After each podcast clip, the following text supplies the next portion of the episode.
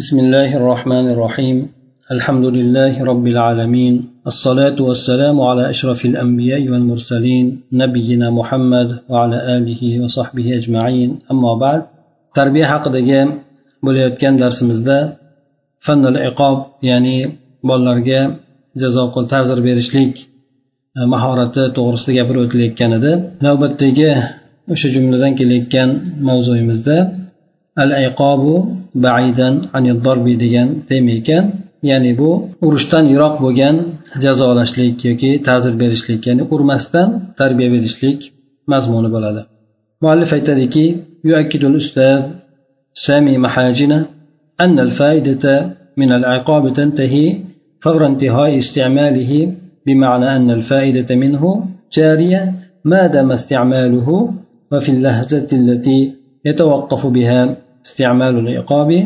تتوقف أيضا الفائدة منه. كذلك فائدة أخرى للعقاب هي مفعوليته السريعة أي أننا نصل إلى النتائج بسرعة لكن من الناحية الأخرى بواسطة العقاب ونتيجة فعاليته السريعة هذه لا تتاح أمام الفرد الطفل المعاقب في هذه الحالة أن يتعلم ما هو العمل الصالح بل بدل ذلك الذي عوقب من أجله خلاصة القول إن الفائدة من العقاب محدودة جدا هذا إذا أخذنا بعين الاعتبار هذين الأمرين ustoz somiy mahajina degan olim shu narsani ta'kidlaydiki jazolashlikdan bo'ladigan foyda uni ishlatishlikni tugashi bilan iziga ila tugaydi deydi ya'ni jazodan bo'ladigan foyda jazo to'xtashligi bilan bu keladigan e, natija ham to'xtaydi deydi. Shu ma'no bilanki undan bo'ladigan foyda modomiki jazo ishlatib turiladigan bo'lsa joriy bo'lib turadi. Agar to'xtaydigan bo'lsa to'xtaydi degani. Endi jazoni ishlatishlik to'xtaydigan lahzada esa undan bo'ladigan foyda ham to'xtaydi. Ya'ni jazoni beradigan samarasi vaqtinchalik bo'ladi xolos. O'sha jazo qo'llanib turilgan paytidagina bo'ladi bir muddatdan keyin bola bu narsani esdan chiqarar yana o'sha asli holiga qaytishligi mumkin bo'ladi. Shuningdek e, jazoni boshqa bir foydasi bor. Bu jazolashlikni boshqa bir foydasi uni tez ta'sir ko'rsatishligidir. Jazolashlikni tez ta'sir ko'rsatadigan foydasi bor. Ya'ni bu yerda biz natijalarga juda ham tezlik bilan erisha olamiz. Lekin boshqa tomondan bu jazolashlik vositasi bilan hamda uni tez keltiradigan beradigan mana bu natijasi bilan yosh bolani oldida o'sha shaxsni ya'ni mana bu holatda jazolanayotgan bola uni oldida yaxshi amal qaysi ekanligini bilishligi imkoniyati bo'lmaydi. Ya'ni o'sha uni sababidan jazolanayotgan narsani o'rniga ya'ni bir narsadan bolani jazolashlikda o'sha narsadan tiyishlik bor o'sha narsaga undashlik bor lekin umumiy suratda yaxshi bo'lgan amal qaysi ekanligini bola bu yo'l bilan ta'lim olmaydi. Ya'ni bir bolani bolani bir narsaga majburlashlik bo'ladi yo qilishlikka yoki qaytarishlikka. Ana o'shanday narsa to'g'ri bu narsa bola birpasda o'sha narsani qilishi mumkin yoki bir narsadan tezda tiyilishligi mumkin. Lekin umumiy suratda mana bunday suratni mana bunday vositani qo'llaniladigan bo'lsa bola yaxshi amal qaysi ekanligini o'rganmaydi bunda. Ya'ni bola faqatgina o'sha beriladigan jazo chorasi orqaligina yo harakatlanadi yoki bo'lmasa o'zini tiyadigan bo'lib qoladi. So'zni xulosasi shuki jazolashlikdan bo'ladigan foyda bu juda ham chegaralangandir. Agar bu ham agar biz bu ikki narsani e'tiborini oladigan bo'lsak e'tiborga oladigan bo'lsak yuqorida aytib o'tgan ikki narsani e'tiborga oladigan bo'lsak bunda ya'ni juda ham tez bo'lganligi hamda o'shani tez samaraga erishishlik mumkinligi bu ham o'sha to'xtash bilan to'xtashligi mana bu narsani e'tiborga oladigan bo'lsak jazolashlikdan bo'ladigan foyda juda ham chegaralangan bo'ladi ya'ni davomiy suratda bo'lmaydi endi bolani bir narsaga buyurishlik bir narsadan qaytarishlik uchun doim jazo qo'llashlikka to'g'ri kelib qoladi unda معنى ذلك أنه من الواجب نهج سبيل سبل أخرى تطيح لنا بنفس الوقت أن تكون مفعولية الوسيلة مفعولية الوسيلة دائمة قدر الإمكان. وكذلك يستطيع الفرد الطفل المعاقب أن يتعلم ما هو السلوك الصحيح. هذه السبل أصعب ما تتطلب هي صبر طويل وإلا ننتظر النتائج الفورية مثلما ننتظر ذلك عندما نستعمل العقاب. في هذه السبل أولا نحتاج إلى وضع قوانين وحدود واضحة وثابتة لا نسمح للطفل بتعديها حتى لو كلف ذلك احتجاج كبير من قبل الطفل كل ذلك بدون حاجة للعقاب. خلال ذلك قد تتاح فرص وقد يسلك الطفل سلوكيات مرغوبة بطريق صدفة. فمن واجب الوالدين أن ينتبها لذلك وأن يشجعا الطفل على ذلك. أخيرا إذا أردنا أن نعلم الطفل الأمر الصحيح فيجب أن ننتبه أننا نملك فرصة من الزمان طويلة نسبيا الطفولة كلها وأننا خلال كل هذه الفترة يجب أن ننتبه أن النتائج الفورية قد تؤدي إلى أمور salbiya yuqorida aytganlarimizni ma'nosi shuki albatta boshqa bir yo'llardan yurib ko'rishlik vojib bo'ladi. Ya'ni faqatgina jazo qo'llashlikni o'zigina emas balki boshqa yo'llarni ham qo'llab ko'rishlik o'sha boshqa yo'llarni yurib ko'rishlik lozim bo'ladi. Bu shunday yo'llar bo'ladiki unda ayni vaqtda o'sha vositani ta'siri imkon qadar doimiy bo'lishligi mana shunga imkon beradi. Shuningdek o'sha shaxs ham ya'ni jazolanayotgan bola ham to'g'ri xatti harakatlar to'g'ri siyrat yurish turishlar qanday bo'lishligini ta'lim olishlikka qodir bo'ladi bilib olishlikka qodir bo'ladi. Bunda bu yo'llarni eng qiyin bo'lgan holati ya'ni talab qilinadigan eng qiyini eng qiyin bo'lgan holati bu uzoq sabr qilishlik. Ya'ni uzoq sabr qilishlik uzoq yo'l reja tuzishlik bilan bo'ladi. Aks holda tezda keladigan natijalarni kutadigan bo'lamiz. Unda xuddi mana jazoni qo'llagan paytimizda kutganimiz kabi natijalarni tez bo'lgan natijalarni olaveramiz deydi. Ya'ni natijani tez bo'lishligini xohlaydigan bo'lsak biz unda ko'proq jazo suratini qo'llaymiz. Lekin jazodan boshqa bo'lgan suratlar borki uslublar borki bularni natijalari sekin bo'ladiyu lekin davomiy suratda bo'ladi ya'ni davom etadi bu narsa. Ya'ni birdaniga to'xtab qolmaydi balki buni ta'siri davomiy bo'ladi. Mana bu yo'llarda avvalo biz qonunlar qonun qoidalar ravshan bo'lgan chegaralar qo'yishimiz kerak bo'ladi. Mustahkam bo'lgan chegaralarni qo'yishligimiz kerak bo'ladiki bola uchun o'shalardan o'tib ketishligiga ruxsat bermaymiz. Ya'ni bir chegara qo'yamizda bola o'sha chegaradan nariga o'tib ketishligiga imkon bermaymiz. Hattoki bu narsa bola tomonidan qanchalik bir ehtijojni taklif qiladigan bo'lsa ham qanchalik bir qaysarlik yoki boshqa narsani taklif qiladigan bo'lsa ham bola tomonidan shu narsani bizga yuklaydigan bo'lsa ham baribir bolani o'sha chegaradan o'tib ketmaslik o'tib ketishligiga ruxsat bermaymiz. Bu narsalarni hammasi albatta jazoga hech qanaqangi o'shani asnosida hojat bo'lmasdan ya'ni jazo suratini qo'llamasdan bolaga ta'zir bermasdan e, o'shanday qilishligimiz mumkin bo'ladi deydi. Ba'zan buni asnosida bir fursatlar kelib qoladi. Ba'zan esa bola tasodifiy suratda o'zi qiziqtiriladigan yaxshi bo'lgan xatti harakatlardan yo'nalishlardan yurib ham qoladi bola.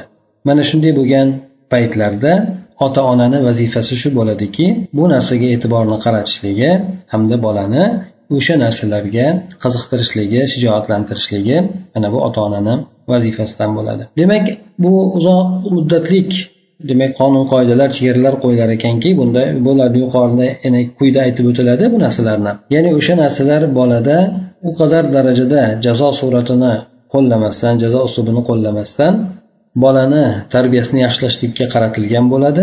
Ana o'sha asnosida albatta uzoq sabr qilishlik kerak bo'ladi. Bunda ba'zan imkoniyatlar bo'lib qoladiki bola to'g'irlanib qoladi. Ana o'shanday bo'lib qolgan paytida ota ona bolani bunday holatiga e'tiborni qaratishligi hamda o'sha narsaga bolasini qiziqtirib shijoatlantirishligi kerak bo'ladi. Oxirida shuni aytamizki deydi agar biz bolaga to'g'ri bo'lgan sog'lom bo'lgan ishlarni o'rgatmoqchi bo'ladigan bo'lsak biz shu narsaga e'tiborni qaratishligimiz kerak bo'ladiki biz bolani butun bolaligiga nisbatan uzoq bir zamondan biz uzoq fursatga ega bo'lamiz endi. Ya'ni biz bola mana aytaylik bir yoshdan ikki yoshdan tarbiyaga boshlanadigan bo'lsa o'n yosh o'n bir yosh ehtimol undan ko'ra ko'proq.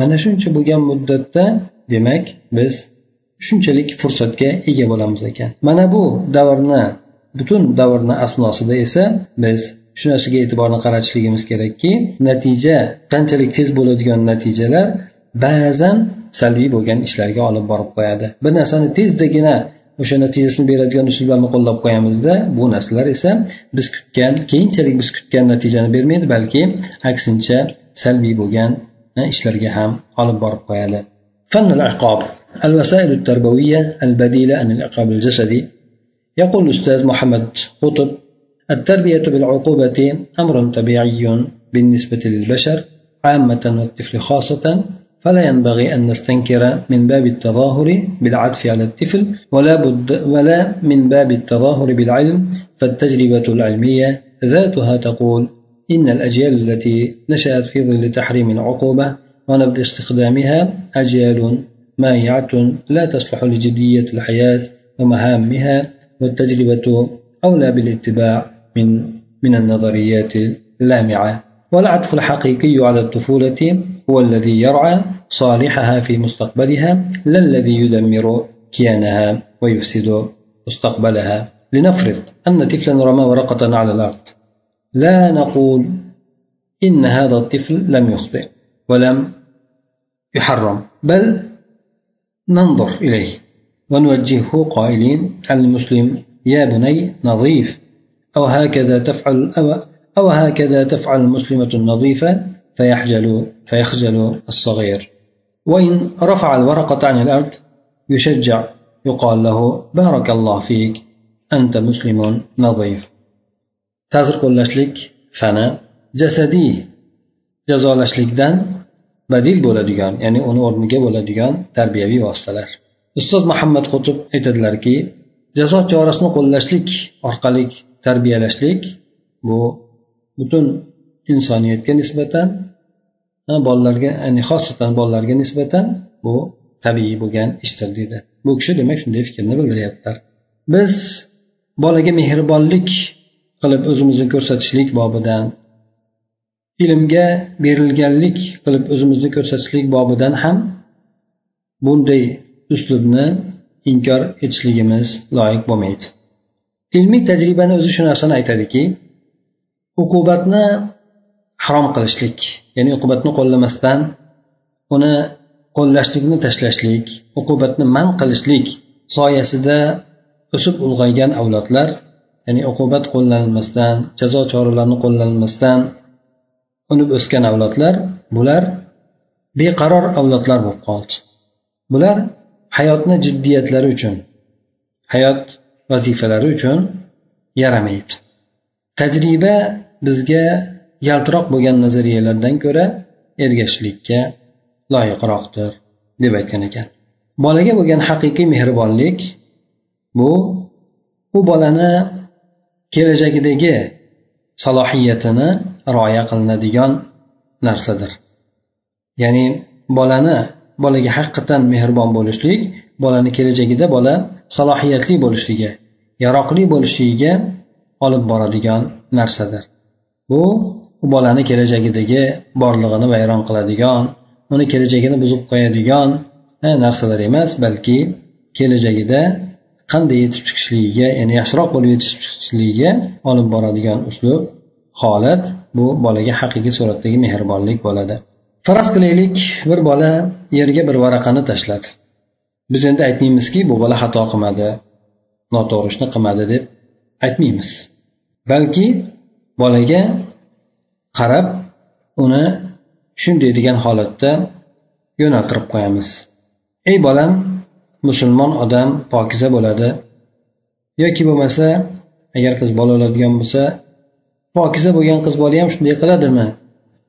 deb o'yladi mana bunda kichkina bola hijolat tortadi. Agar endi yerdan varaqni ko'taradigan bo'lsa o'sha tashlagan qog'ozini ko'tarib oladigan bo'lsa bunda bolani yana ham shijoatlantiriladida aytiladiki barokallohu fik alloh taolo sizga baraka bersin senga baraka bersin sen albatta pokiza bo'lgan musulmonsan deb turib bolani qiziqtirib qo'yiladi يحتاج المربون وسائل بديلة عن الضرب كعقاب عند ارتكاب الأخطاء ولتقويم سلوكهم فما هي أساليب العقاب التي يستخدمونها بعيدا عن الضرب tarbiyachilar urushni o'rniga boshqa bir vositalarga ya'ni bolalar xato qilgan paytida ularni yurish turishlarini to'g'irlashlik uchun urushni o'rniga boshqa bir vositalarni e, vositalarga muhtoj bo'lishadi demak o'sha urushdan uzoqda bo'lgan holatda ular ishlatadigan jazolashlik uslublari nimalar ekan الأساليب العقاب التي يستخدمونها بعيدا عن الضرب أولا النذات الحادة والهمهمة في السنة الأولى أو الثانية من عمره. يعتقد أبو فراس أن نظرات نظرات نظراته الحادة كفيلة أن تردع أطفاله عن الخطأ وفي بعض الأحيان يضطر للهمهمة والزمجرة كإشارة منه إلى زيادة غضبه. ويؤكد أبو فراس أن على الآباء والأمهات مراعاة أخطاء أبنائهم وأن يكون العقاب بحجم الخطأ فلا يعقل أن يكون عقاب الابن الذي تكاسل عن غسل يديه بعد الطعام مثل عقاب من سب جيران جيرانه جيرانه وشتمهم فعلى الآباء أن يتدرجوا في ردود فعلهم وفق مستوى أخطاء أبنائهم urushdan uzoq holatda ishlatishadigan jazolashlik uslublari birinchidan o'qrayib qarashlik hamda ovozini ko'tarib baqirib qo'yishlik Bu bolani umridan ya'ni bir ikki yoshli bo'lgan paytida endi. Abu firos degan murabbiy aytadiki uni bolaga o'tkir qarashlari o'sha bolani xato qilishligidan man qilishligiga yetarli bo'ladi. Ba'zi paytlarda esa u biroz g'azabini ziyoda ekanligiga ya'ni ziyoda bo'layotganligiga ishora qilish kabi bir ovozini ko'tarib bir baqirib qo'yishlik mana shu narsa demak bolani xatodan tiyilishligiga kifoya qilar ekan. Ya'ni ba'zan shunday bo'ladi. Bola xato ish qiladigan bo'lsa unga xo'rayib qarab qo'yishlik ba'zan esa ovozini ko'tarib turib jindek bolaga tanbeh berib qo'yishlik. Mana shu narsa bolani xato qilishligidan tiyilishligiga yetarli bo'ladi. Yana abu firos o'sha tarbiyachi shuni ta'kidlaydiki otalar ham onalar ham bolalarini xato qilayotganligiga e'tibor qilishliklari kerak. Yana jazo qo'llashlik xatoni hajmiga qarab bo'lishi kerak. Albatta taomdan keyin ovqatlanishdan keyin qo'lni yuvishdan dangasalik qilayotgan bolani jazosi bu qo'shnilarini so'kib haqorat qilgan bolani jazosi daqa bo'lishligi bu aqlga sig'maydi. Shunday ekan otalarga bolalarini qilgan xatolarini darajasiga mos suratda ularni raddi fe'llari tashqi e, teskari ta'sirlari borasida darajalanishliklari lozim bo'ladi demak bolalari qanchalik xato qilganligi darajasiga qarab turib otalar tomonidan ularga raddi fe'llik borasida ham sekin astalik lozim bo'ladi ثانيا الحرمان من الأشياء المحببة إليه في السنة الثالثة يلجأ الكثير من الآباء والأمهات إلى عقوبتهم بحرمانهم من الأشياء المحببة إليهم. فيقول الأستاذ خالد حجارة حجاجرة أن ابنته في الصف الثالث تشعر بضيق شديد عند حرمانها من الذهاب إلى بيت جدها وعليه اغتنم هذه الوسيلة كثيرا لتأديبها. وتؤكد المعلمة سامية مراد مركزة فرع الطفولة المبكرة في مدرسة حديجة بنت خويلد أن حرمان الطفل من شيء يحبه أو لعبة يلعبها أو سلوك مشابه يردعه عن التصرف الخاطئ الذي قام به الإبن حسب تفسير الأهل فرغبة الأهل أن يتعلم ابنهم أن هذا التصرف خاطئ أو مضر لمن حوله. لكن الحرمان يجب أن يكون لفترة محدودة فقط لساعة أو ليوم أو العقاب يجب أن يتم بعد تكرار الخطأ عدة مرات والتوجيه له عدة مرات أيضا فالحرمان الطويل يجلب الضرر النفسي للطفل. مثال على الحرمان الحرمان من مصروف أو نزهة أو أي شيء يحبه الطفل كالدراجة أو الأتارة televizion bolaga ikkinchi uslubi bolaga suyumli bo'lgan narsalardan bolani mahrum qilib qo'yishlik bu uch yoshlar atrofida endi bola tushunadigan anglab yetadigan paytidan boshlanadi. Ko'pchilik ota onalar bolalarini ularga suyumli bo'lgan narsalardan mahrum qilishlik orqali jazolashlikni qo'llashadi. Ustoz xolid hajajra degan kishi aytadiki uni qizi uchinchi sinfda o'qir ekan.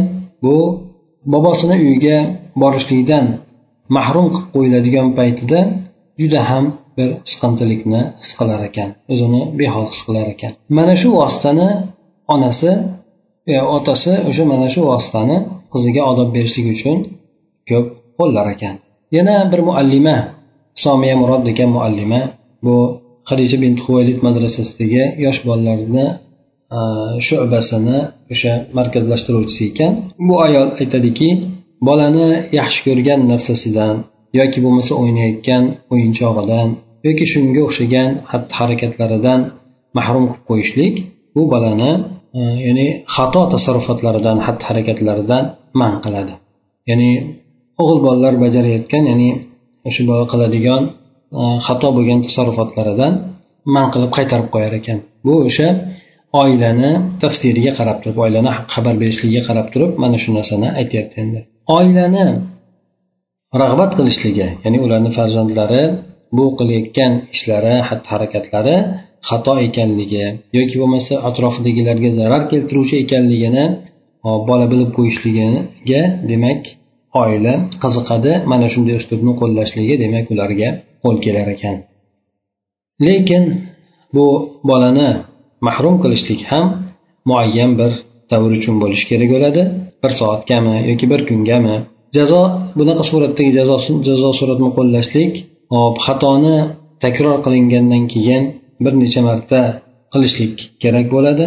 Yoki bo'lmasa xuddi shuningdek unga ham bir necha marta tavjih ko'rsatishlik yo'l ko'rsatishlik yo'llanma berishlik lozim bo'ladi. Qancha xato qiladigan bo'lsa shunchalik ko'proq qo'llaniladi hamda unga shunchalik yo'llanma beriladi bolaga. Endi uzoq muddat bolani mahrum qilib qo'yishlik o'sha narsasidan ya'ni yaxshi ko'rgan narsasidan bu bolani ruhiy bolaga ruhiy zararni keltiradi. O'sha yuqorida aytganimiz ya'ni bolani mahrum qo'yishlik ba'zi yaxshi ko'rgan narsalardan bunga misol masalan bolani ba'zi bir sarf xarajatlardan mahrum qilishlik. Ya'ni bolaga har haftada bir ozroq mablag' berayotgan bo'lsa o'shandan mahrum qilishlik. Yoki bo'lmasa tashqaridan biron narsa olib berayotgan bo'lsa shu narsadan mahrum qilishlik. Yoki nuzhadan nuzha degani tashqariga bir o'ynagani olib chiqishlik. Mana shundan mahrum qilishlik bir kunmi bir yarim kunmi? Yoki bo'lmasa bola yaxshi ko'radigan boshqa narsalardan velosiped kabi bo'ladimi? Yoki o'yinchoqlari kabi bo'ladimi? Yo bo'lmasa televizion bo'ladimi? O'sha bola yoqtiradigan narsasidan mahrum qilinishligi bu bolani o'sha narsa xato qilgan narsasidan tiyilishligiga sabab bo'ladi. Albatta buni ham qo'llaganda hikmat bilan qo'llashlik kerak bo'lar ekan. Ya'ni me'yoridan oshirib yubormaslik hamda bunda loqaydlikka o'zi yo'l qo'ymasligi ham mana shu uslubni qo'llaydigan bo'lsa albatta bu ham bolalarni tarbiyasiga yaxshi ta'sir ko'rsatar ekan uchinchidan an yatruka an yatahammala nata'ij amalihi ba'da tanbihi musbaqan مثل مشكلة التأخر في الاستيقاظ من النوم ينبه مسبقا ثم يترك يتحمل العقوبة في المدرسة في المدرسة bo'lib madrasati ya'ni bolani avvaldan ogohlantirishlikdan keyin o'sha o'zini amalini natijalarini o'zi ko'taradigan holatda tashlab qo'yishligi. Ya'ni o'sha mas'uliyatini o'zi yuklaydigan o'zi javob beradigan holatda bolani tashlab qo'yiladi faqatgina bunga oldindan ogohlantirishlik berishlikdan keyin endi. Buni misoli shuki masalan bola uyqudan uyg'onishligida kech turishlik muammosi endi. Bola ertalab maktabiga bormaydi vaqtida bormaydi ko'p uxlab qoladi. Bunga bolani ogohlantiriladi. So'ng o'sha madrasadagi beriladigan jazo suratlarini choralarini bola shu ko'tarishligiga tashlab qo'yadi. Ya'ni madrasada uni kech qolganligiga tikka turgizib qo'yadimi yoki boshqa qiladimi? Ana o'sha narsalarga aralashmasdan bolani o'sha joydagi bo'ladigan uqubatlarni ko'tarishlikka tashlab qo'yiladi. Bu ham o'sha bolani o'shanday xato ishlardan tiyilishligiga sabab bo'ladi.